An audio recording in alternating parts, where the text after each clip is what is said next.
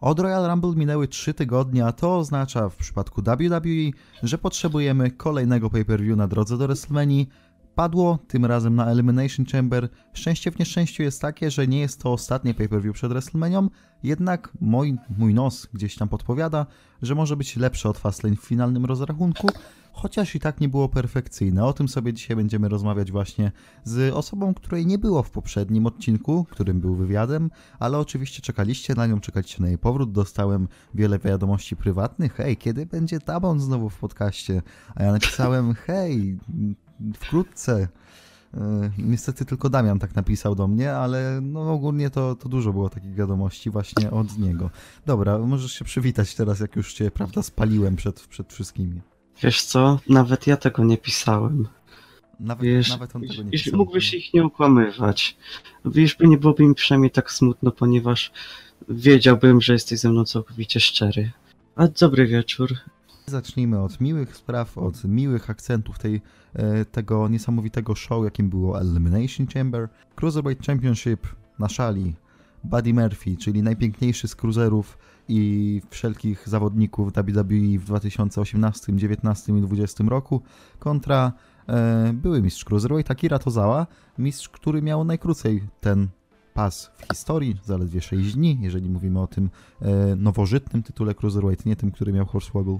No i okazało się, że Akira Tozawa nie będzie dwukrotnym mistrzem Cruiserweight, ale chyba to nie była żadna niespodzianka, prawda panie Damianie? Um, zgadzam się.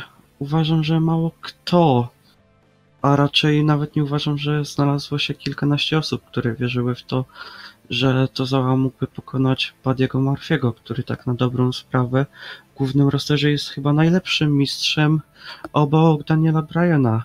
I mogę to powiedzieć nawet ja, ktoś, kto na co dzień nie ogląda zbyt często 205 Live.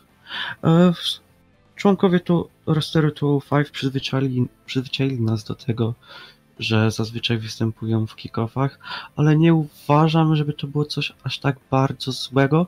Panowie dali bardzo dobre show. Mieliśmy kilka bardzo dobrych sekwencji kontr, e, zwłaszcza taka jedna poza ringiem. No i co jeszcze mogę powiedzieć? Buddy ma ze sobą kolejnego przeciwnika. Chyba nie został już mu nikt z 205. To tak jak rozmawialiśmy o tym podczas naszego ostatniego podcastu, czy to w końcu pora na kogoś spoza rosteru 205? Go Kushida kontra Buddy Murphy w pre-show'le WrestleMania. Go. Wiesz, nie, mi się wydaje, że na początku Kushida będzie w tak teamie, jest to załom. Time, time, Wiesz. słuchaj, Time Splitter, Time Splitter nie pokonał czasu antenowego i trafił do kick-offu. Nie zdziwiłbym się, gdyby dali mu taki gimmick. Albo by powiedzieli po prostu, że Hideo Itami powrócił, tylko ze zmienionym Fake, wyglądem. fake Hideo Itami. Kiedyś w Attitude'erze był fake Diesel i fake Razor- Ramon, a teraz w 2019 dadzą Kushidę i przebiorą go za Itamiego. Dobra, reasumując, bardzo fajna walka. Mm, Nie wiem, mm, nie sądzę, nawet nie pamiętam ile daliśmy walce y, z Royal Rumble, ale jeżeli miałbym stawiać je obok siebie, to chyba ta z Rumble była ciut lepsza, jednakże tej i tak daje 3,5 gwiazdki, więc y, byłem ukontentow- ukontentowany, ukonsensowany, coś byłem tam, zadowolony byłem. Ja również tej walce daję trzy gwiazdki i jedną drugą, ponieważ panowie zasłużyli. Bardzo solidne takie otwarcie, taki wstęp mini do Elimination Chamber. I jeśli dalej będą prezentować podobny poziom, to nie mam nic przeciwko, aby dalej byli w kickoffie, aniżeli mieli dostawać po 8-7 minut w głównej karcie. E, Elimination Chamber match Kobit, tak teamowy Elimination Chamber match o pierwsze w historii tytuły Kobit, bo pamiętajcie, że nigdy w historii tej federacji nie było kobiecy, tytułów kobiecych tak teamowych. Iconics kontra Tamina i Nia Jax kontra Sonia Deville i Mandy Rose kontra Riot Squad kontra Bailey i Sasha Banks oraz jeszcze jest jeden team, Carmela i Naomi, kontrowersyjny z wiadomych względów. Dobrze, chciałbym zwrócić uwagę na jedną rzecz, mianowicie e, Naomi i Carmela, niby taki tag team, prawda, losowy zlepek, losowy, taki kompletnie niepasujący, po prostu dwie fejsowe zawodniczki. Jednakże Naomi miała ostatnio rywalizację, wciąż ma, jak było, widać było po zawiłościach w tym Elimination Chamber meczu, e, z Mandy Rose. Mandy Rose, która chciała e, tutaj coś się kręcić koło Jimmy'ego Uso i zniszczyć małżeństwo Naomi. Tymczasem jeżeli wszystkie plotki są prawdą, no to wtedy Carmela by zniszczyła małżeństwo Corey'ego Gravesa. Jakie to jest niesamowite. Narzekamy na to, że nie ma storyline'ów w WWE, a to tak naprawdę jest bardziej realistyczne niż kiedykolwiek. No, to tak To są te chciałem się- detale, które dostrzegają tylko prawdziwi koneserzy wrestlingu. Tak, tak, dlatego ja siedzę z tej strony, a wy słuchacie. Przejdźmy do walki już, już całkowicie y, serio. Mm, Po pierwsze, Iconics y, miały najlepszą eliminację innego teamu w historii eliminacji innych teamów w walkach tak teamowych eliminacyjnych, czyli jedna sobie wzięła, prawda, jako y, była tam akcja, tak, i po prostu druga przeskoczyła robiąc rola. Bardzo, bardzo to było fajne. Potem jeszcze bardzo sprytnie, prawda, wybrnęły z sytuacji, gdzie sześć zawodniczek chciało ruszyć na nie, więc hej, spójrzcie, tam jest Tamina i Nia Jax. No i to było bardzo sprytne, dlatego Iconics dostają taki plusik przy swoim występie, bo pomimo tego, że odpadły mimo wszystko dość szybko, no to jakby odcisnęły jakieś fajne piętno na tym pojedynku. E, zaskoczenie z mojej strony to na pewno to, że w finale została Mandy Rose i Sonia Deville. Pokazują, że coś tam niby chcą z nimi robić. Możliwe nawet, że któraś z nich albo nawet obie będą rywalkami Aski, może na Fastlane, może na WMC, może na Backlash czy innym pay-per-view, ale myślę, że prędzej czy później tego title shota dostaną, więc trochę wyłoniły się z Jobberlandu dywizji kobiet. E, No i co jeszcze? E, Zauważyłem taką śmieszną rzecz, że na przykład takie Iconics jak weszły do komory, no to miały dużo miejsca, a jak Tamina i Naya weszły, no to już tego miejsca było mniej. Ciekawe dlaczego, nie wiem. Przepraszam, Ale nie wiem, ale- sugerował, że one są grube? Słuchaj, cytując klasyka, nie wiem, choć się domyślam. Co jeszcze? A, Naja uderzyła, ro, rozwaliła e, tą płytę z jednej strony, żeby wlecieć w drugą, w drugą, która pękła. Chyba nie miała pęknąć, nie wiem, ale to, to nic nie szkodzi, to nie miało wpływu na pojedynek. E, Tamina co? Tamina została wyeliminowana i wtedy zostały nam trzy teamy, potem zostały nam dwa teamy, no i mm, to chyba było do przewidzenia, przynajmniej ja to przewidziałem. E, Bailey i Sasha Banks wygrały tytuły Kobiet Tag Team. E, Pytanie do ciebie numer jeden, czy to była lepsza walka niż ta zeszłoroczna? E, według mnie tak. Może nie zdecydowanie. E, moja największa bolączka związana z tym pojedynkiem to są bardziej moje osobiste odczucia, ponieważ całym serduszkiem byłem za Iconics, a one zostały dosyć szybko wyeliminowane, co już podkreśliłeś. A boli to jeszcze bardziej, biorąc pod uwagę, jak bardzo dobrze się zaprezentowały w, w tym małym okresie czasowym, które dostały. Wynik był dosyć przewidywalny, chociaż ja tutaj kierowałem się bardziej moim serduszkiem. A co do poziomu ringowego, to byłem pozytywnie zaskoczony, ponieważ patrząc na cały skład i biorąc pod uwagę to, że jest to pojedynek tak teamowy i przypominając sobie, jak to wyglądało w 2015 w wykonaniu mężczyzn, były lekkie obawy na temat tego, czy nie będzie zbyt dużo chaosu w ringu, aczkolwiek wydaje mi się, że panie sobie poradziły z tym w bardzo mądry e, sposób. Nie było zbyt dużego chaosu naraz. Zostało to rozegrane dosyć mądrze i sprytnie. Um, eliminacje też były do, przeprowadzone z sensem i tak teamy sobie nie przerywały pinów. Nia Jax i Tamina zostały zaprezentowane w dosyć mocny sposób. Możliwe, że to one teraz pójdą na Saszę i Bailey. Nie wiem, czy na Fastlane, czy na WrestleMania. Mistrzynie miały swój wielki moment. Jak już też wspomniałeś, Mandy i Sonia zostały dosyć dobrze przedstawione, choć to jeśli tak się przyjrzeć na przestrzeni ostatnich tygodni, to można dojść do wniosku, że to nie jest zaskakujące, ponieważ one robiły naprawdę dobrą robotę na SmackDown i mimo tego he he he super śmiesznego feudu z Naomi, Mandy i Sonia wykonywały dobrą robotę. Nie tylko pod względem storyline'u i na mikrofonie, ale i nawet i w ringu. I w finałowej dwójce e, był nawet moment, kiedy wszyscy myśleliśmy, że to one zgarną zwycięstwo. Był, potwierdzam. E, ale proszę szanować, przede wszystkim chciałbym zwrócić uwagę na to, odnosząc się do twojej wypowiedzi, że storyline Naomi kontra e, Mandy Rose trzeba szanować za nawiązanie do Tafena w jejku. Jakie to jest piękne. Ktoś, ktoś wykopał urywek sprzed czterech lat i powiedział, to zrobimy, to będzie motywacja, to jest nasz storyline. I to jest ten long term booking, o którym każdy wspomina. Tak, Ciampa Gargano. E, Dobra, no co, ja się zgadzam głównie z twoimi tutaj przemyśleniami. E, przemyślałem też moją opinię na temat tej walki w kontekście porównania jej do zeszłorocznego Elimination Chamber meczu. Ten był chyba minimalnie lepszy. E, na początku po walce mi- miałem takie wrażenie, że no porównywalnie, ale chyba ten zeszłoroczny był lepszy, ale teraz z kolei kieruję się ku tej opcji tegorocznej, więc e, ta sama ocena co w kickoffie 3,5 e, jednocześnie zaznaczając, że to było naprawdę niespodziewane, że tak sobie panie poradzą w tej konstrukcji. E, Ja tylko wspomnę na koniec, że jedna rzecz, której mi najbardziej brakowało w tym pojedynku, to był jakiś spot em, z komory, ponieważ był moment, w którym um, Mandy oraz Bale i Sasha były na, na samej górze komory i się wydawało, że zrobią jakiś spot, aczkolwiek do niczego nie doszło. I to tak w moim odczuciu tak lekko zepsuło finalny moment. Aczkolwiek no nie mam na, za bardzo na co narzekać i również daję 3,5 gwiazdki. Damian, wiesz na co teraz nadszedł czas, co nie? Druga walka w głównej karcie i drugi raz mam złamane serce. Nie, To, to, to nie jest dobra pasa.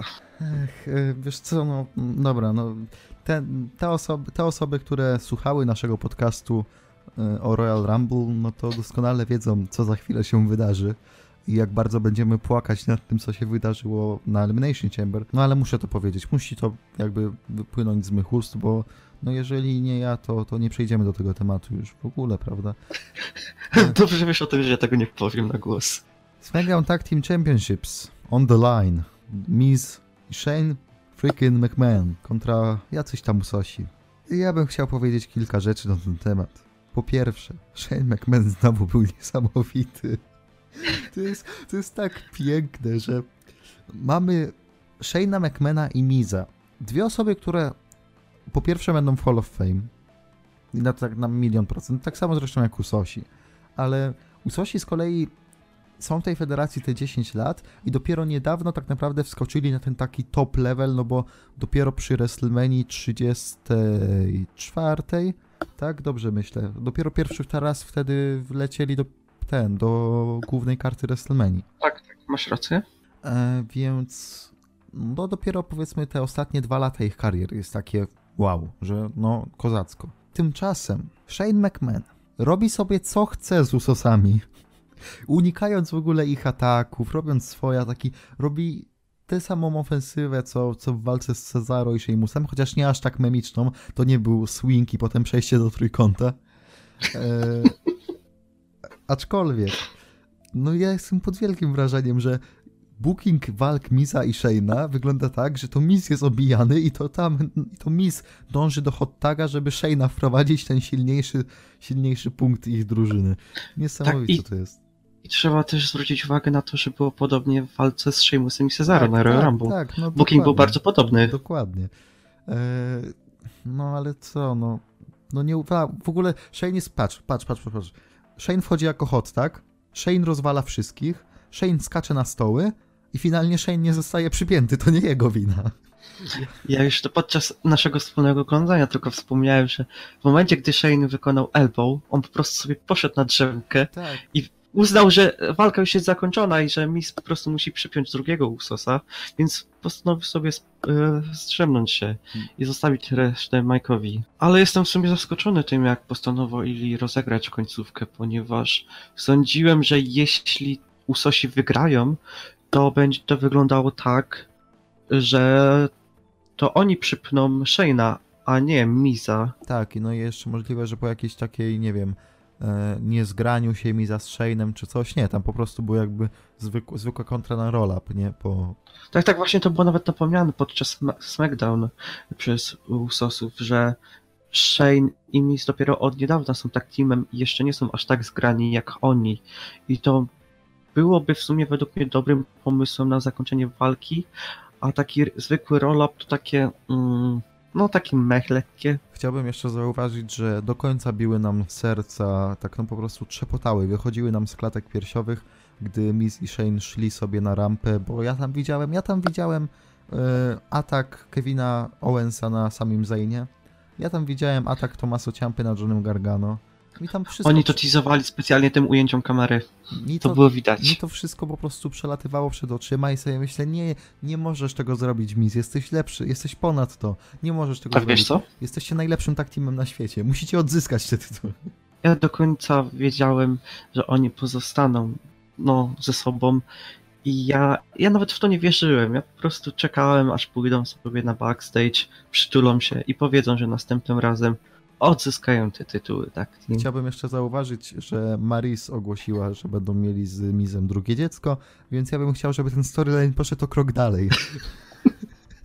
żeby, żeby to był chłopiec i żeby, i żeby Miz nazwał go Shane, a potem jeszcze poprosił, żeby Shane był ojcem chrzestnym dla tego, dla tego dziecka. No to byłoby piękne. Ja, ja jestem naprawdę... Nie, niech ten storyline idzie, idzie dalej. Niech potem jak będzie Hall of Fame, niech Shane wprowadzi Miza, niech Miz wprowadzi Shane'a. Niech zrobią sobie, jak Miz, i, Miz ma z Maristą Miz and Mrs., jak Bellaski mają Total Bellas, to niech y, USA Network zainwestuje i zrobi kolejny reality show. Niech zrobią Mac, Mac Miz. Niech, niech, Ja chciałbym zobaczyć takie mm, segmenty na backstage'u, gdzie Maris próbuje podejść do Miza i porozmawiać o dziecku, a on jest zajęty rozmową z Shane'em. tak, o swoim, nie wiem, o outficie na I walkę następną. zaczęłaby być zazdrosna o niego. Ech, no tak. I potem by napisała takiego ten posta na Instagramie, nie, że zdradzasz mnie, zdradzasz, zdradzasz mnie z Shane'em. Miało nie być więcej o sytuacji Corey'ego Gravesa, więc może przejdźmy do ogólnie ocen. Ja daję trzy gwiazdki, bo bawiłem się na tym bardzo dobrze, chociaż nie powiem, że to była jakaś wyśmienita walka. No jednocześnie nie była zła, była taka z, z tej średniej półki dostateczna, a jednocześnie dostarczyła mi rozrywki, więc stąd taka, a nie inna ocena. Kurczę, naprawdę jesteś dzisiaj z nami nie tak, ponieważ ja również daję trzy gwiazdki. To była ta dobra część karty. Kick-off i dwie pierwsze walki. Teraz przechodzimy do tej niedobrej części karty. Intercontinental Championship Handicap Match. Bobby Lashley i Lio Rush kontra Finn Balor. E, Co chcesz powiedzieć o tej walce, poza tym, że przebiegła po prostu tak bardzo przewidywalnie, jak, ty, jak tylko mogła. Po prostu ja- się czułem tak, jakbyśmy po prostu odhaczali kolejne punkty, które trzeba spełnić w tej walce.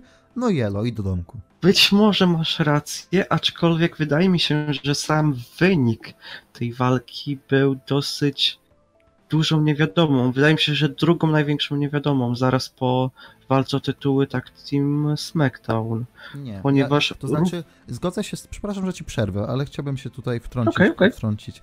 E, zgodzę się tylko pod jednym warunkiem, w sensie, że tak, że to jest niewiadoma, ale zależała od jednej zmiennej. Czy pójdą w rewanż Lashley kontra Balor na Fastlane jako Lashley mistrz, bo przewaga Lashley'ego i Rasha była taka, że Balor prawie to zrobił, ale jednak mu się nie udało? Czy z kolei właśnie wydarzyłoby się to, co widzieliśmy na Elimination Chamber, czyli to przez Leo Rasha Balor zdobył tytuł i dlatego będziemy mieli rewanż na Fastlane już bez Rasha w tle. I to była ta tylko jedna zmienna, która decydowała o tym, kto wygra. Jednakże WWE jest takie, że mm, jeżeli masz handicap mecz o tytuł i masz wyraźnie jednego takiego konkretnego zawodnika i, drugi, i ten jeden sidekick, nie? no to, to raczej to był bardzo przewidywalny booking. Zresztą to jeszcze podjudzali w trakcie gali, jak był ten wywiad Lashley i Rush przed wejściem od Tak, razu. tak. Że Oni nawet tego nie ukrywali, że będą szli w tym kierunku. tak, więc no jakby ja zostaję przy swoim i no, moim zdaniem to było dość łatwe do przewidzenia. Prawdopodobnie po Ruby Riot kontra Ronda Rousey najłatwiejsza walka do wytypowania. Nie, wydaje mi się, że to akurat nie było takie oczywiste, ponieważ też mogli pójść w tym kierunku, że em, Balor już się koncentruje, już ma, już myśli, że ma za sobą Bobiego Lashley'a i teraz próbuje się skupić na samym Leo Rushu, jednak pod koniec walki, znaczy już w ostatnim momencie, Lashley wraca i e, udaje mu się pokonać No tak, tak. Balora, to- albo też mogli doprowadzić do dyskwalifikacji, to też było Jasne, Um, jasne. To też, To było- też była jedna z tych opcji. Rush mógł zaatakować Balora krzesłem, gdy już, przypi- gdy już Balor chciał przypiąć Lashleya. Dobra, no tak jak ja, ja zostaję przy swoim. Dość przewidywalne odhaczanie z listy, no bo też w końcu dostaliśmy to, że Lashley miało pod kontrolą Balora, Rush nagle wszedł, bo powiedział hej, I got this, nie? I no i nie miał tego jednak i, i co? I Balor sobie przypiął Rasha i Yellow. Yy, dwie gwiazdki, bo no nie wiem, może nawet bym mniej dał, gdybym był złośliwy. i jakąś, jakimś takim dużo gorszym humorze i źle bym wspominał tę walkę, ale no jako, że to było takie typical, takie no nic ponad coś, czego bym się nie spodziewał, to dwie gwiazdeczki ode mnie, słucham pana. Ja również daję dwie gwiazdeczki. Damn it. Panowie raczej nie zasłużyli na dużo więcej. E, Dobrze, ja mam teraz propozycję, ok? Ja mam licznik na OBS-ie. E, Walka Ruby Riot z Rondą Rousey trwała jakąś minutę 45. Spróbujmy się wyrobić w minutę 45 opisując tę walkę. Okej, w porządku, Dobrze. zgadzam się. Poczekaj. I starczy, startujemy 31 minuta, więc możemy iść. Raw Women's Championship Ronda Rousey kontra Ruby Riot. E, Ronda Rousey wygrała, zeskłoszowała Ruby Riot. Nie dziwię się kompletnie, nie rozumiem też oburzenia ludzi, ponieważ e, Ruby Riot była po prostu mięsem armatnim, który miał jakoś mm, po prostu tylko przeciągnąć ten streak Rondy i to tyle. No jakoś nie rozumiem tego bulwersu, że ole zeskłoszowali Ruby Riot. Proszę teraz ty. A ja jestem spulweryzowany, ponieważ według mnie Ruby Riot ma bardzo duży potencjał i według mnie mogłaby być nawet mistrzynią, aczkolwiek no, trzeba było kogoś podłożyć dla wielkiej rondy, dlatego to się skończyło w taki, a nie inny sposób. Dlaczego ironizujesz jakąś tą wielką rondę? Ona jest najlepsza na świecie w tym momencie. Nie no, ale tak serio, no to Ruby Riot jest w tym momencie za krótka na to, no proszę cię. Minuta 45 minęła? Nie, jeszcze, jeszcze minuta nam została, dobrze. Więc y, możemy jeszcze coś powiedzieć o tym, że y, Riot Squad został odhaczony przez Rousey w dwa tygodnie i jakbyśmy połączyli wszystkie czasy walk Rondy Rousey z członkiniami Riot Squadu, to nie wiem, czy byłoby 10 minut. A według mnie nawet nie byłoby 8 minut. Mm, Możliwe, ale to było zabawne. No ja nie rozumiem bulwersu, ty się bulwersujesz, więc w końcu się nie zgadzamy. Dziękuję bardzo.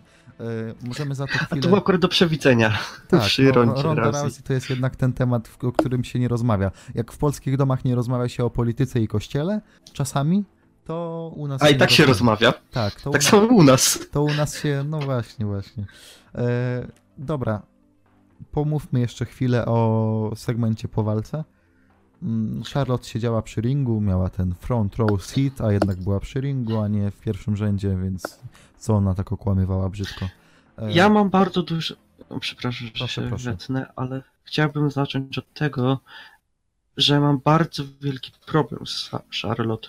O ile ją bardzo broniłem w 2016 podczas e, jej feudu z Saszą, tak w tym momencie mam problem z nią taki, że ona próbuje na siłę sprawić, aby ludzie jej nie lubili. Takie nie wiem, jakby to przy... taki przykład. E, Patrzcie, ja jestem zła, e, zaatakowałam Becky, Be- nie lubię Becky, włóczcie na mnie, bo jestem najlepsza. W 2016 jako Hill była dużo bardziej naturalna, dużo lepiej się ją oglądało, a w tym momencie tak widać jakby ona... Mm, Ale wiesz, Nawet- jaka jest różnica? Przepraszam, że ci teraz tak się wciąłem, ale różnica jest taka, jaka że jest różnica? w 2016 roku, gdy była healem, to nie była do końca wiarygodna. Mm, Z Natalią wygrała przez Screwjob, bo Bret Hart był przy ringu. Na WMC wygrała, bo Ric Flair jej pomógł. Na Royal Rumble z Becky wygrała też, bo Ric Flair pocałował Becky. Nie wiem ile to było do końca walki, ale tam też był ten świetny moment, który później WWE nawet wycięło na networku, więc wstydzą się takich rzeczy. No ale tam dużo jej pomagał Flair i ona jako zawodniczka nie była kayfabe'owo aż tak dobra, jak jest teraz. Wiesz, ale już nawet nie chodzi o tamten okres, ale bardziej pod sam feud z Saszą, kiedy już nawet ją czysto przypinała. Nie, no okej, ale feud z Saszą, no to feud z Saszą jeszcze o tyle był róż... niezwykły, że no ludzie strasznie hejtowali ten feud, kiedy on się dział, a jak sobie spojrzymy z perspektywy czasu, to był naprawdę bardzo dobry program. E, Tak, najlepszy w historii kobiet według mnie. Możliwe bardzo. I tam jednak miałeś to, że jedna wygrywa raz, druga wygrywa raz i tak się wymieniają tym tytułem. W końcu kończymy wszystko w tym Iron Woman meczu. I ona wyszła finalnie zwycięsko z tego, tak? E, jednakże tam ten środek ciężkości, takiej, tak, o, momentum tam się bardzo zmieniało, co nie? Tam nie było tak, że Charlotte po prostu cisnęła, cisnęła, cisnęła, cisnęła i była cały czas na szczycie. Różnica jest, no mówię, o tyle taka, że teraz jest tym już, wiesz, franchise player, nie? Jest tam na szczycie, a reszta to już tam dwa, dwie półki niżej. I to się zmieniło w tym, w tym mm, spojrzeniu na Charlotte przez ten czas. Że ona teraz już jest tą topową zawodniczką, a wtedy po prostu była na szczycie dywizji dla mnie, tak? A teraz już jest po prostu jedną z najlepszą albo jedną z najlepszych, tak? Po prostu. Już tak. Ale mimo wszystko w tym momencie wydaje mi się, że są inne sposoby, aby ją zabukować tak, aby po prostu była healem nielubianym przez fanów. To znaczy, wiesz co, ja mógłbym się w ogóle, możliwe, że w ogóle zrobimy o tym odcinek podcastu, tak się przymierzałem do tego, na początku nie chciałem tego robić, ale teraz jakoś tak im więcej czasu mija, tym bardziej się do tego przekonuję. Mi się w ogóle nie podoba to, co tam się dzieje w tym, w tym storyline'ie. To już i chodzi mi też o bukowanie Charlotte jako Hilla, chodzi mi o Vince'a McMahona, chodzi mi o zachowanie Becky, chodzi mi tam po prostu o wszystko. Jeżeli w tym storyline'ie najbardziej racjonalnie zachowuje się Charlotte, mimo że jest takim, no, healem, tak jak mówisz, nie do końca, prawda, takim, jakiego byś chciał oglądać, e, to, no i Ronda, ale Ronda jest tam trochę w cieniu tego wszystkiego. Największy problem polega na tym, że McMahanowie podłapali to wszystko, co się dzieje z Becky. Podłapali to, jak fani na to reagują i sami, i sami postanowili dodać coś od siebie momencie, gdy mogli to po prostu zostawić Becky. Dalej być, dalej mm, po prostu pozwolić jej, aby była tym badasem, który po prostu robi to, to co chce i rozwala wszystko na swojej drodze bez żadnych przeciwnościom losu rzucanym jej. Wiesz, No, co, na wiesz, co mi teraz wpadło do głowy, jak tak mówiłeś o tym? E, storyline z Danielem Bryanem przed WM-ką 30. Tak, pomyślałem o tym, o tym samym, Tylko pomyślałem. różnica jest taka, że oni tam Briana faktycznie nie chcieli, ale się ugięli pod naciskiem fanów. A teraz oni chcą Becky i oni naprawdę, wiemy wszyscy, że oni chcą Becky w tym main evencie i chcą ją jako mistrzynię, tylko udają, że nie chcą. Różnica jest też taka, że Brian od, od samego początku był underdogiem, a tutaj Becky nie jest, według Tak, mnie tak, tak, Becky no, nie jest postacie- underdogiem. postacie Becky jest zwykłym badasem Tak, tak, tak. No. i ona nie potrzebuje, aby rzucano jej kłody pod nogi.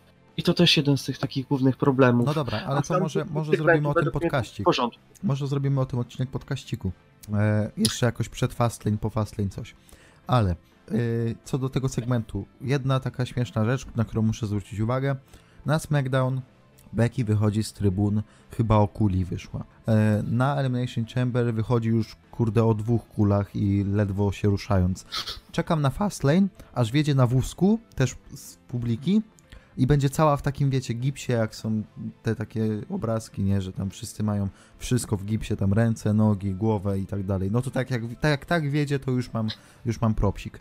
Yy, więc czekam. Jeszcze mamy jedno pay-per-view, więc może nie wiem, yy, wyskoczyć jak, jak nie wiem, z, z nie wiem, no, pamiętacie taki był segment, jak CM Punk stał na Titantronie, on był wtedy liderem New Nexus chyba i mówił, że o, zaraz skoczę z Titantronu, coś tam, coś tam. Becky tak powinna zrobić. Becky powinna się pojawić na Titantronie, na szczycie Titantronu po prostu i powiedzieć, że, że jak, nie, jak nie dodadzą jej do walki na WrestleMania, to, to skoczy. Już myślałem, na początku myślałem, że tego, że wyjdzie z, z czymś takim jak e, że wyskoczy tak e, na Titantronie na wózku inwalidzkim jak Rey Mysterio na SmackDown na początku dwóch, lat 2000 i tak wyskakiwał. O, albo Kalisto mógłby jej pożyczyć tą trampolinę, czy tam jakiś Sintara inny. Dobra, y, co jeszcze chcesz coś... Chyba trochę się oddaliliśmy od tak, tematu. tak, tak. Chcesz coś jeszcze o tym segmencie powiedzieć, który się pojawił po, po walce? Chyba raczej nie, ponieważ bardzo mi się podobał. Jedynie sądziłem w pewnym momencie, że e, Ronda może się odwrócić i zaatakować Becky, chociaż to było no raczej mało prawdopodobne. Mi, mi, brakowało, bardziej mi brakowało momentu, w którym Ronda nawala po prostu Charlotte tym kijem i obie z Becky to robią i wiecie, jest takie katarzis dla tych wszystkich fanów, który, którzy chcą zobaczyć Becky kontra Ronda one on one, nie? I biją tą Ale właśnie to Charlotte. też, e, to też właśnie e, pokazało e, charakter Becky, która nie przyjaźni się nagle z osobą tylko dlatego, że nie lubią tej samej osoby, Tak, tej samej Tak. przeciwniczki. Wróg mojego wroga nie jest jej przyjacielem. Tak, tak. A właśnie to jest taką dosyć e, taką no zasadą w W. No. Nie lubimy tej samej osoby, jesteśmy przyjaciółmi. Przejdźmy do y, najlepszej walki tej gali. Och nie, jeszcze no DQ mecz, jak mogłem o nim zapomnieć? A, myślałem, że chodzi ci o no DQ matchu. A, Baron Corbin kontra Braun Strowman i Ryan Satin bodajże napisał świetnego tweeta, świetnego po prostu w punkt a propos tej walki. Kojarzycie te plotki, że Vince nie chciał, żeby Braun Strowman został podłożony Lesnarowi na Royal Rumble, dlatego było to zamieszanie z Balorem? No to jeżeli nie chciał, to dlaczego podłożył go Corbinowi miesiąc później? Wytłumacz mi to, Damian, wytłumacz mi to. Piotrze, co? Ale co ty chcesz, żebym ci wytłumaczył? Słuchaj, no bo ja się znam na wrestlingu, tak, ale ja się kieruję logiką, tutaj nie ma logiki. A może chcieli przedstawić to, że Baron, Drew McIntyre i Bobby Lashley jako trzej mają większy, mają taką większą ilość siły niż jeden Brock Lesnar. Słuchaj, ja, nie wiem, ja nawet mam, czy o jeden punkt albo nawet dwa. Ja mam, ja mam e, fajną hipotezę a propos tego. Mówiłeś, że może będzie, chyba ty mówiłeś, że będzie Drew i Baron kontra Kurt Angle i Braun. Tylko, że to już Tak, zostaliśmy na Raw. Więc bez sensu. No ale, Więc bez ale sensu. no właśnie o to chodzi. No dobra. Równie dobrze mogą to dać na WrestleMania ponownie. Ale dodali tam teraz Lashleya, co nie? Mhm. Co jeśli Bobby Lashley, Drew McIntyre i Baron Corbin kontra Braun Strowman, Kurt Angle i tyry, tyryry, tyryryryry. Next Generation of Great. Przestań, nie łam mi serca. Już Ja, ja już nawet dzisiaj. się nie chcę. Ja nawet się nie chcę łudzić, Słuchajcie, że Jason Jordan Ja, powróci. naprawdę jest mi smutno, że ten podcast nie powstał rok temu ponad, bo jak, jak teraz słuchacie tego i zastanawiacie się, dlaczego oni się ekscytują Mizem i Shane'em. Oh boy, jakbyście słuchali nas, naszych rozmów podczas storyline'u z Jasonem Jordanem. Y, najlepszy wrestler drugiego pokolenia niestety chyba nie wróci. Ja jeszcze e, ostatnio oglądałem na YouTubie segment em, Balora oraz The Good Brothers oraz em, Rollinsa, Reignsa i Jordana. I to był tak cudowny segment. Ja, ja do dzisiaj nie mogę zrozumieć, jak tak duża ilość osób nie mogła zrozumieć fenomenu Jasona Jordana i te, jego świetnego Przecież- bookingu. To jest przecież- przecież w niepojęte. momencie, w którym WWE uznało, że już nie, no nie przepchną tego projektu jako face'owego Jordana i zrobili z niego takiego typa, co chce skorzystać z władzy Kurta, to przecież to była najlepsza postać w WWE, proszę państwa. Segment na przykład był chyba Peep Show, tak? Edge, e, Peep Show to był? Na Row 25 to było? Dobrze myślę? E, Możliwe, co, aczkolwiek nie co, potwierdzę. co ludzie go wybuczeli i on tak z takim uśmieszkiem, że no, on popularny, co, coś takiego było. Y, Chyba był segment właśnie, że Rollins i, Jordan byli w Peep Show, czy, czy w Agent Peep To był, to, tak, to był Jason Jordan i Kurt Angle i on, jak zaczęli buczeć, to powiedział, żeby nie buczeli na jego tatę. Tak, tak, tak. O to, Tak, o to, to było tak. O to mi chodzi. Nie wracajmy już do walki Baron Corbin kontra Braun Strowman. Zachowajmy jakby tutaj jakieś p- pozytywne nastroje y, i porozmawialiśmy o Jasonie Jordanie. Dodam tylko, że walce dam, daję jedną gwiazdkę. I niech to będzie całe omówienie tej walki, ok? Po prostu to, że pogadaliśmy 3 minuty o Jasonie Jordanie.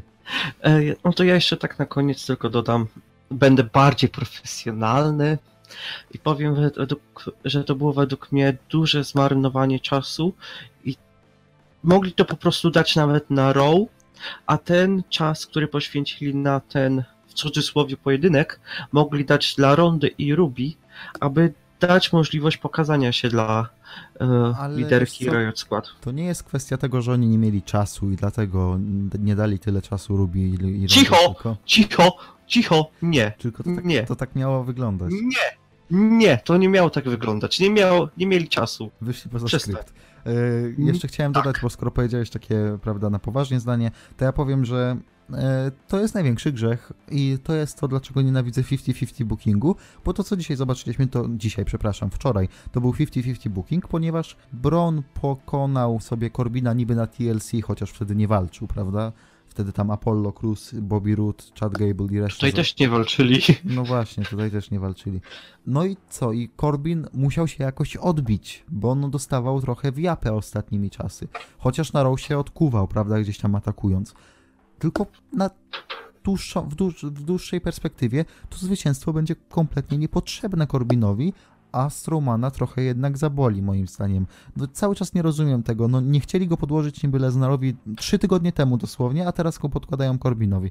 Ja wiem, że jakby trzech go zaatakowało, tak? I wciąż wyjdzie mocno, ale kurde, nie rozumiem, też nie rozumiem. W ogóle czuję, ten storyline le- jest taki smutny. Dlaczego mu poświęcili godzinę czasu na tamtym row ostatnim? Ja też, ja również uważam, że oni w tym momencie zabijają lekko potencjał Drua, ponieważ on ma cholernie wielki potencjał. Drew jest taki problem, że w momencie, w którym wszystkie znaki na niebie i ziemi mówią hej, już Drew nie ma nic do roboty w tym storyline, w którym się kisił, może czas na jakiś solowy push, bo cały czas świetnie wygląda. To oni nagle mówią nie, nie, nie, nie, nie, cofamy go. Bo tak, pamiętasz, że był w tym storyline, gdzie walczył z The Shield? Y, Braun, Tak. Strowman, y, Drew i, i Ziggler. Potem zrobił sobie tą trójkę właśnie, która jest teraz utrzymana z przerwami e, Les, e, Boże, Lesnar, Corbin, e, Drew i Lashley, bo tam mieli ten feudzik taki z, z, z, z, ze Strowmanem. Balorem i Angle. Tak, ale to jeszcze był ten czas, że jeszcze Corbin był był- generalnym menadżerem. Tak, i jest, był tam również jeszcze Elias, który też tam w tak, sumie tak, tak. Ko- Corbin. Corbin był generalnym menadżerem wtedy jeszcze. Potem wyrzucili Corbina. Corbin wrócił, gdzieś tam się odbudował po kilku tygodniach i teraz znowu wracają do tej trójki. To jest tak bez sensu. Poważnie, to jest najgorsza część Raw, a to jest smutne w tym kontekście, że mamy tam takich super zawodników jak Drew McIntyre, Finn Balor ostatnio był w to wciągnięty i nawet ten Baron Corbin, on ma naprawdę większy potencjał niż kiszenie się w tym. Być może po prostu, nie wiem, to jest jedna z moich teorii, ale prawdopodobnie, być może, chyba, prostu próbują jakoś zabić czas przed Fast Lane, gdzie już zaczną ruszać solowymi programami, chyba że na serio idą w kierunku jakiejś wielkiej walki tak teamowej i jakiejś walki pożegnalnej dla to znaczy, Kurta. no, y, po tym powerbombie trzeba wnioskować, że The Shield kontra Drew, y, Baron i, i Bobby Lashley. No zrobili powerbomb na stół potrójny, nie? A no tak, No, a kurde. no. Wiesz co, możesz przejdźmy do main eventu. Tak jest. Y, Main event, Elimination Chamber match, tytuł WWE na szali. Daniel Bryan kontra Samoa Joe, kontra Randy Orton, kontra Jeff Hardy, kontra Kofi Kingston, kontra AJ Styles. Nie wiem jak to, jak zacząć w ogóle omawianie tej walki, bo ona się rozkręciła w ostatnich 10 minutach. Czy ja mam już Mm. pójść do ostatnich 10 minut? Przepraszam bardzo. E, Może, w sumie moglibyśmy, tylko krótko napominając, że to co robią z Samoa Joe, to jest, to jest wielki żart. Tak jak e, przed Royal Rumble, podczas Royal Rumble i nawet tydzień, dwa przed Elimination Chamber rozmawialiśmy o tym, w jak dobry sposób bukują ostatnio Samoa Joe i że być może dostanie coś poważnego na WrestleMania. Tak teraz pokazali nam, że myśleliście, że coś mamy dla niego? No to macie. Samoa Joe znów został w sumie zeszmacony. Mimo, że nie lubię używać tego słowa, ale trzeba tak to nazwać. AJ po raz kolejny w przeciągu ostatnich miesięcy przypiął e, samą One Machine. Nie wiem, chyba to już był, nie wiem, może szósty albo siódmy nawet raz, kiedy go przypiął. I naprawdę bardzo mi go szkoda, ponieważ ma potencjał na bycie topowym healem w W. Jest cudowny na mikrofonie, prawdopodobnie jeden z najlepszych. W ringu również jest niesamowity. Ma absolutnie wszystko, ale z jakiegoś powodu nie chcę go traktować na poważnie. Nie wiem, jak ty Eee. uważasz. To jest może kwestia tego, że on w ogóle nigdy nie miał być w main rosterze. Kojarzycie tę historię, że on mm, podpisując kontrakt z NXT miał powiedziane, że on z, tego NXT najprawdopodobniej nigdy nie wyjdzie, bo był podpisywany z myślą o tym, żeby w tym NXT zostać. Tak, ale jeśli już siedzi, nie wiem, ile on już siedzi, dwa lata w głównym rosterze, No to jednak coś jest nie wiesz, tak. też jest problem z tym, że on jest trochę niepewny, bo on często ma urazy. Jasne, teraz ma dobrą pasę, ale no myślę, że miał z 3-4 przerwy takie urazowe, po których wracał i trzeba było trochę restartować jego postać. WWE nie lubi takich zawodników. W sensie, jeżeli wypadasz dość często, to ciężko stwierdzić, czy jeżeli na ciebie postawią, to czy ty się nie wysypiesz zaraz znowu. Stąd może tutaj jest jakieś zawahanie w kwestii jakiegoś konkretnego puszu, a trzeba przyznać, że jasne, nie zrobił nic wielkiego w kontekście zwycięstwa ze Stylesem na przykład, w, tym, w tej rywalizacji w, tam, w tamtym roku, ale też już miał swoje 5 minut na tym SmackDown. Z drugiej strony, przy tym jak użytkowany jest roster SmackDown, no to pokażcie mi lepszego, tak? Musimy przejść do Kofiego O. Kingstona. Zacznij proszę, Ale bo Co, co można powiedzieć? Według mnie e, tweet um, Canelisa um, tweet Canelisa to jest najlepsza rzecz, którą zrobił odkąd podpisał kontrakt z Federacją. Znaczy, okej, masz rację, ale tego. Tweet Canelisa mówi wszystko o tym, jak Kofi się zaprezentował i w sumie wszystko o jego postaci. Jeżeli ludzie chcą, e, aby Kofi został mistrzem WWE, to pokazuje, jak dobrym jest wrestlerem. Jeżeli, jeśli duża część rosteru WWE chce, aby Kofi został mistrzem, to pokazuje, e, jakim człowiekiem jest Kofi. I to chyba jest takim ładnym podsumowaniem tego, co się, co się działo z Kofim w ostatnim tygodniu. I mam wielką nadzieję, że to nie będzie takie tylko chwilowe momentum, gdzie po prostu pokazano to, co, o czym każdy wie, to, że Kofi jest fenomenalnym zawodnikiem. Ja się cieszę z dwóch rzeczy. E, mianowicie, po pierwsze, e, ludzie mówią, że no, ten Biggie to w sumie mógłby pójść na tytuł, ale to musi się rozpaść New Day, coś tam, coś tam. Ja absolutnie tego nie rozumiem. Moim zdaniem New Day nigdy nie rozłączą, bo oni potrzebują takiego projektu, który będzie, wiecie, na lata, który będą mogli sobie przytaczać później w Hall of Fame gdzieś tam, że nie było takiej drugiej stajni, coś tam, coś tam, bo oni teraz piszą historię jako stajnia, która już jest ze sobą 4 lata ponad. E, pokazali to, więc, że nie rozłączając New Day, któryś z nich może absolutnie sobie walczyć o główny tytuł. I to bez, żadnej, bez żadnego problemu. I numer dwa. e, Na początku było mi smutno, zwłaszcza jak gdzieś tam przeczytałem, że booking Kofiego z Gauntlet meczu był przeznaczony dla! Mustafy Aliego 1 do 1. Będę miał zaraz dla ciebie jedno pytanie. Ale jak sobie to przemyślałem już po Elimination Chamber meczu, to ja się nawet cieszę, że Kofi Kingston zajął miejsce Mustafy Aliego, bo w to jak został zabukowany i to jak wypadł w Elimination Chamber meczu mm, było bardziej wiarygodne i bardziej ciekawe pod względem historii, że ten Kofi Kingston, który jest w tej federacji tyle lat, w końcu ma szansę, coś tam, coś tam, niż gdyby mi tam rzucili Mustafę Aliego i powiedzieli oh my god, this rookie is awesome, coś tam, coś tam. Jasne, to byłoby super przy gauntlecie, że by się nie poddawał i tak dalej, i tak dalej, ale przy, przy walce o tytuł WWE już niekoniecznie, przy Elimination Chamber meczu, a z kolei ten Kofi był bardziej wiarygodny i było to nakręcanie takiego balonika, pompowanie, nie, że czy to jest ten czas, kiedy Kofi to zrobi, czy ten...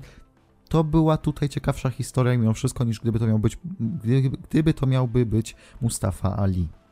I według mnie w tym wypadku em, był nawet ten cień szansy, że jednak Kofi mógłby to zrobić, aniżeli w przypadku, gdyby na jego miejscu był Mustafa Ali. I tutaj się rodzi moje pytanie do ciebie.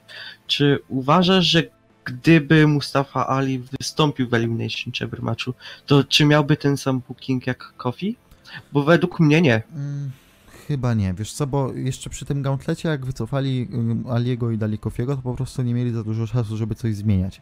Tymczasem od SmackDown do Elimination Chamber mieli spokojnie kilka dni i sama maszynka promocyjna WWE nakręcała to, że Kofi tutaj ma szansę, coś tam, czy po tym gauntlecie mu się uda, e, więc możliwe jest to, jednak o ile po obejrzeniu SmackDown powiedziałem, że na 95-99% booking Mustafy został przekazany Kofiemu, tak teraz miałbym, nie wiem, 30% na to, że, że to może miałby być Ali.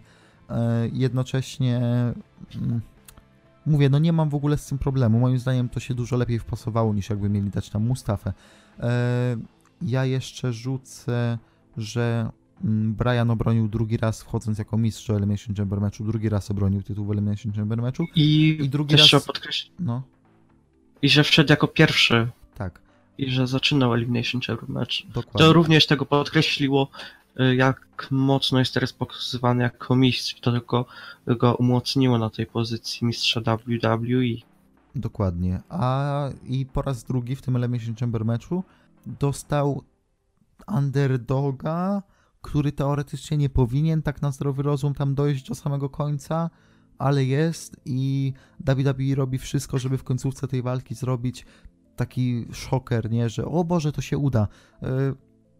Tutaj, tutaj shoutout do Santino Marelli i bodajże Elimination Chamber 2012, chociaż gdzie porównanie do Santino Marelli, a gdzie, mm, a gdzie Kofi Kingston. Zresztą, o ile ja dobrze pamiętam, ja nie wiem, czy ja się teraz nie pomylę, ale jestem tak na 80% pewny, Santino Marella, ja przepraszam bardzo, skorzystam z Google'a, bo muszę potwierdzić jedną rzecz.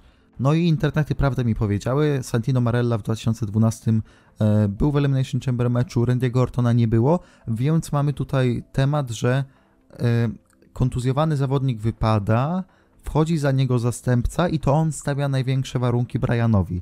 E, dlaczego ta historia się powtórzyła? Damianie, wytłumacz mi, czemu wszystko przeżywamy to samo od 7 lat i czy to znaczy, że prędzej czy później zobaczymy trzecią i czwartą walkę The Rocka z Johnem Siną? Ponieważ to jest tak zwany long term booking. Tak, jak Mandy Naomi. Wszyscy zarzuca, zarzucają WWE, że nie mają long term bookingu, a tu proszę, Tak. już kolejny przykład. A tu najpierw Mandy Rose i Naomi, teraz Daniel Bryan i przeciwnicy w Elimination Chamber matchu. Co, to- co tu dużo mówić? Ludzie mówią, że nie ma dobrych storyline'ów w zdecydowanie przebijają New Japan i ich Tak. tego ogłoszenie main eventu pół roku do przodu tej Dokładnie. najważniejszej gali w roku. Ja się zgadzam. Ludzie mówią, że nie ma ciekawych tych ciekawych e, storyline'ów w WWE. Nie doceniacie tych szczegółów, nie wyłapujecie niuansów i później właśnie narzekacie, no. Co? All Elite Wrestling wam nie da niuansów i będziecie mówili, ale super storyline'y. A to to WWE jest to takie wymuskane, to kunsztowne.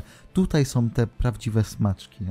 I to nie jest problem z federacją, to jest tylko problem z fanami, którzy nie, nie potrafią dostrzec tych detali. tak, dokładnie. Na szczęście my jesteśmy tutaj, żeby wam o nich powiedzieć. E, Ja jeszcze wspomnę, że według mnie tegoroczny Elimination Chamber match był lepszy od zeszłorocznego. Pod względem bookingu i tego, co się działo w ringu.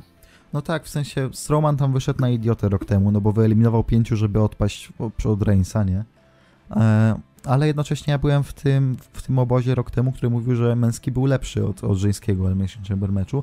Jednocześnie to dla mnie były bardzo podobne poziomy, tak samo jak podobne poziomy są w tym roku, nawet porównując do zeszłego roku. To były dla mnie bardzo podobne cztery Elimination Chamber mecze, bo w każdym z nich były fajne momenty, w każdym z nich wiedziałem, kto wygra, w sensie faworyt był jasny i to jest raczej problem e, położenia tego pay-per-view w kalendarzu.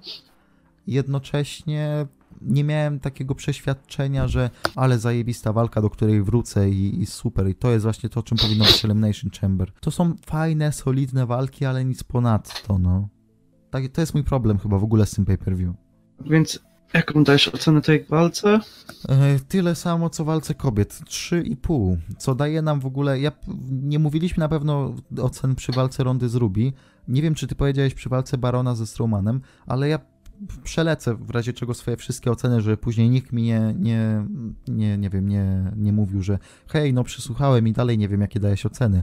No, mój drogi, ale wiesz, jaką mam opinię. E, Akira Tozawa kontra Buddy Murphy 3,5. Kobiecy Elimination Chamber Match 3,5. Miz i Shane kontra Usos 3. Bobby Lashley i Lio Rush kontra Finn Balor 2. Ruby Riot kontra Ronda Rousey bez oceny, bo nie ma czego oceniać. Baron Corbin kontra Braun Strowman jedna gwiazdka i teraz main evencik 3,5. Dziękuję bardzo. To tak chciałem tylko zamknąć ten temat. O. A czy ja też tak powinienem powiedzieć swoje oceny? Czy moja nie, bo opinia pewnie, jeszcze nie jest tak... to znaczy Aha, inaczej. Nie, żebyś mnie nie, źle nie zrozumiał. Pamiętasz swoje wszystkie oceny, które powiedziałeś? Tak. Dawaj, sprawdźmy. Okej, czyli kick-off 3,5, No, Elimination Chamber match kobiet 3,5, no. Bobby Lashley kontra Nie, jeszcze i Shane, i Shane. A, tak. No to trzy gwiazdki. Tak. E, Rush oraz Lashley kontra Balor dwie. Dlaczego kopiujesz cały Ruby kontra Rondi brak. Mhm. Baron kontra Strowman pół gwiazdki. I main eventowi mm, tutaj akurat mm, moje myśli się trochę kłócą, ale jednak pozostanę przy... A nie, 3 i 3 czwarte ze względu na bardzo ładne zakończenie. W sumie te, e, te finałowe starcie między Brianem a Kofim bardzo mi przypomniało zakończenie Elimination Chamber matchu z 2011 pomiędzy Edge'em a Reyem Mysterio. Ja tak Przedstawiam. że moim zdaniem do momentu tej walki one-on-one Kofiego z Brianem ta walka była gorsza od kobiecego e, Elimination Chamber meczu z tego roku, ale nadrobili właśnie tą końcówką, stąd daję taką samą ocenę, tak chciałem się tylko wytłumaczyć. Ogólny odbiór gali jest lepszy niż pokazują to oceny, przynajmniej według mnie, ponieważ no, nie było aż tak wielu momentów, w których mm, mocno się nudziłem. Nawet walka Ruby z Rondą prowadziła do tego, że dostaliśmy ten dosyć fajny A segment. chciałem już powiedzieć, Więc że, to- chciałem już powiedzieć, że na walce Ruby z Rondą nie mogłeś zdążyć się nudzi, znudzić. Nie nudziłbym się nawet jeśli dostały więcej czasu, ponieważ Ruby jest bardzo utalentowana. Ja tylko powiem, że no widać, że luty to nie jest miejsce dla Elimination Chamber i będę to powtarzał rok w rok. Jeżeli ten podcast będzie żył dłużej niż kilka miesięcy, to będę to powtarzał na Elimination Chamber 2020, że to jest złe miejsce, zły czas w roku dla tej gali i to widać po tych ocenach między innymi. Środek karty kompletnie bez sensu, w sensie w sensie bez sensu. E, tylko Elimination Chamber mecze są do polecenia, jeżeli ktoś by chciał nadrobić cokolwiek pre-show i ewentualnie Shiny Miss kontra Usos. Jak na galę, która trwa 3,5 godziny trwała, oczywiście, że Elimination Chamber mecze dłużej, tak? No to kurde, cztery walki, no tak 4 z 7 też nie wygląda okazale, zwłaszcza, że to nigdy żadna, żadna z tych walk nie wyszła poza coś na zasadzie dobrej walki. Nie było jakiegoś wow, ale to będziemy wspominać, nie? Nie było czegoś pokroju, no, chociażby co takiego? A, Aska kontra, ten, Aska kontra Becky z Royal Rumble. Tam się zachwycaliśmy, tak? Obaj. Tutaj nawet nic się nie zbliżyło do tego poziomu. Więc to Mm, takie moje słowa. Pod względem emocji być może jedynie Brian kontra Kofi. No ale poziom ringowy. A to jest nie? końcówka pojedynku jedynie. Mm, No dobra. E, Więc będziemy się zbliżać e, nieubłaganie do końca. Ja chciałbym tylko powiedzieć, że jeszcze w tym miesiącu prawdopodobnie pojawi się jeden odcinek, będzie możliwe tematyczny. W każdym razie, e, Damian, za trzy tygodnie jest Fastlane. Tak bym Ci chciał tylko powiedzieć a propos tego, kiedy się spotykamy. Cieszysz się? E, Wydaje mi się, że moja barwa głosu, mój ton głosu i ogółem cała aura, którą można wyczuć ode mnie, pokazuje e, mój zachwyt powrotem do podcastu za trzy tygodnie. No teraz miałeś urlop trzy tygodnie, teraz też dostajesz ode mnie urlop trzy tygodnie. E, Sądzisz, że jestem... A kiedy wypada? Dobrze, tym wesołym akcentem kończymy ten podcast. E, Proszę pożegnaj się. E, Byłem Damonkami, a nawet Damian Puto. No. Do widzenia. Ja bym chciał tylko powiedzieć, że podcast możecie śledzić na YouTubie, na Spotify, na iTunes, w innych aplikacjach podcastowych. Możecie też na przykład polajkować sobie fanpage'a, bo czemu by nie. Oczywiście zasubskrybować kanał na YouTube, bo czemu by nie. E, pieniędzy i tak z tego nie mam, więc jakbyście po prostu byli mili, to, to byłoby super. Fajnie, nie? Się zareklamowałem. A to nie wspomnisz o tym, że za każde odsłuchanie dostajesz złotówkę? A, kurde, przepraszam. To by było na tyle. Proszę Państwa, mam nadzieję, że spędziliście z nami miłą godzinkę. E, Ja byłem Szołow, zwany Piotrem Małeckim i słyszymy się wkrótce w kolejnym odcinku. Cześć!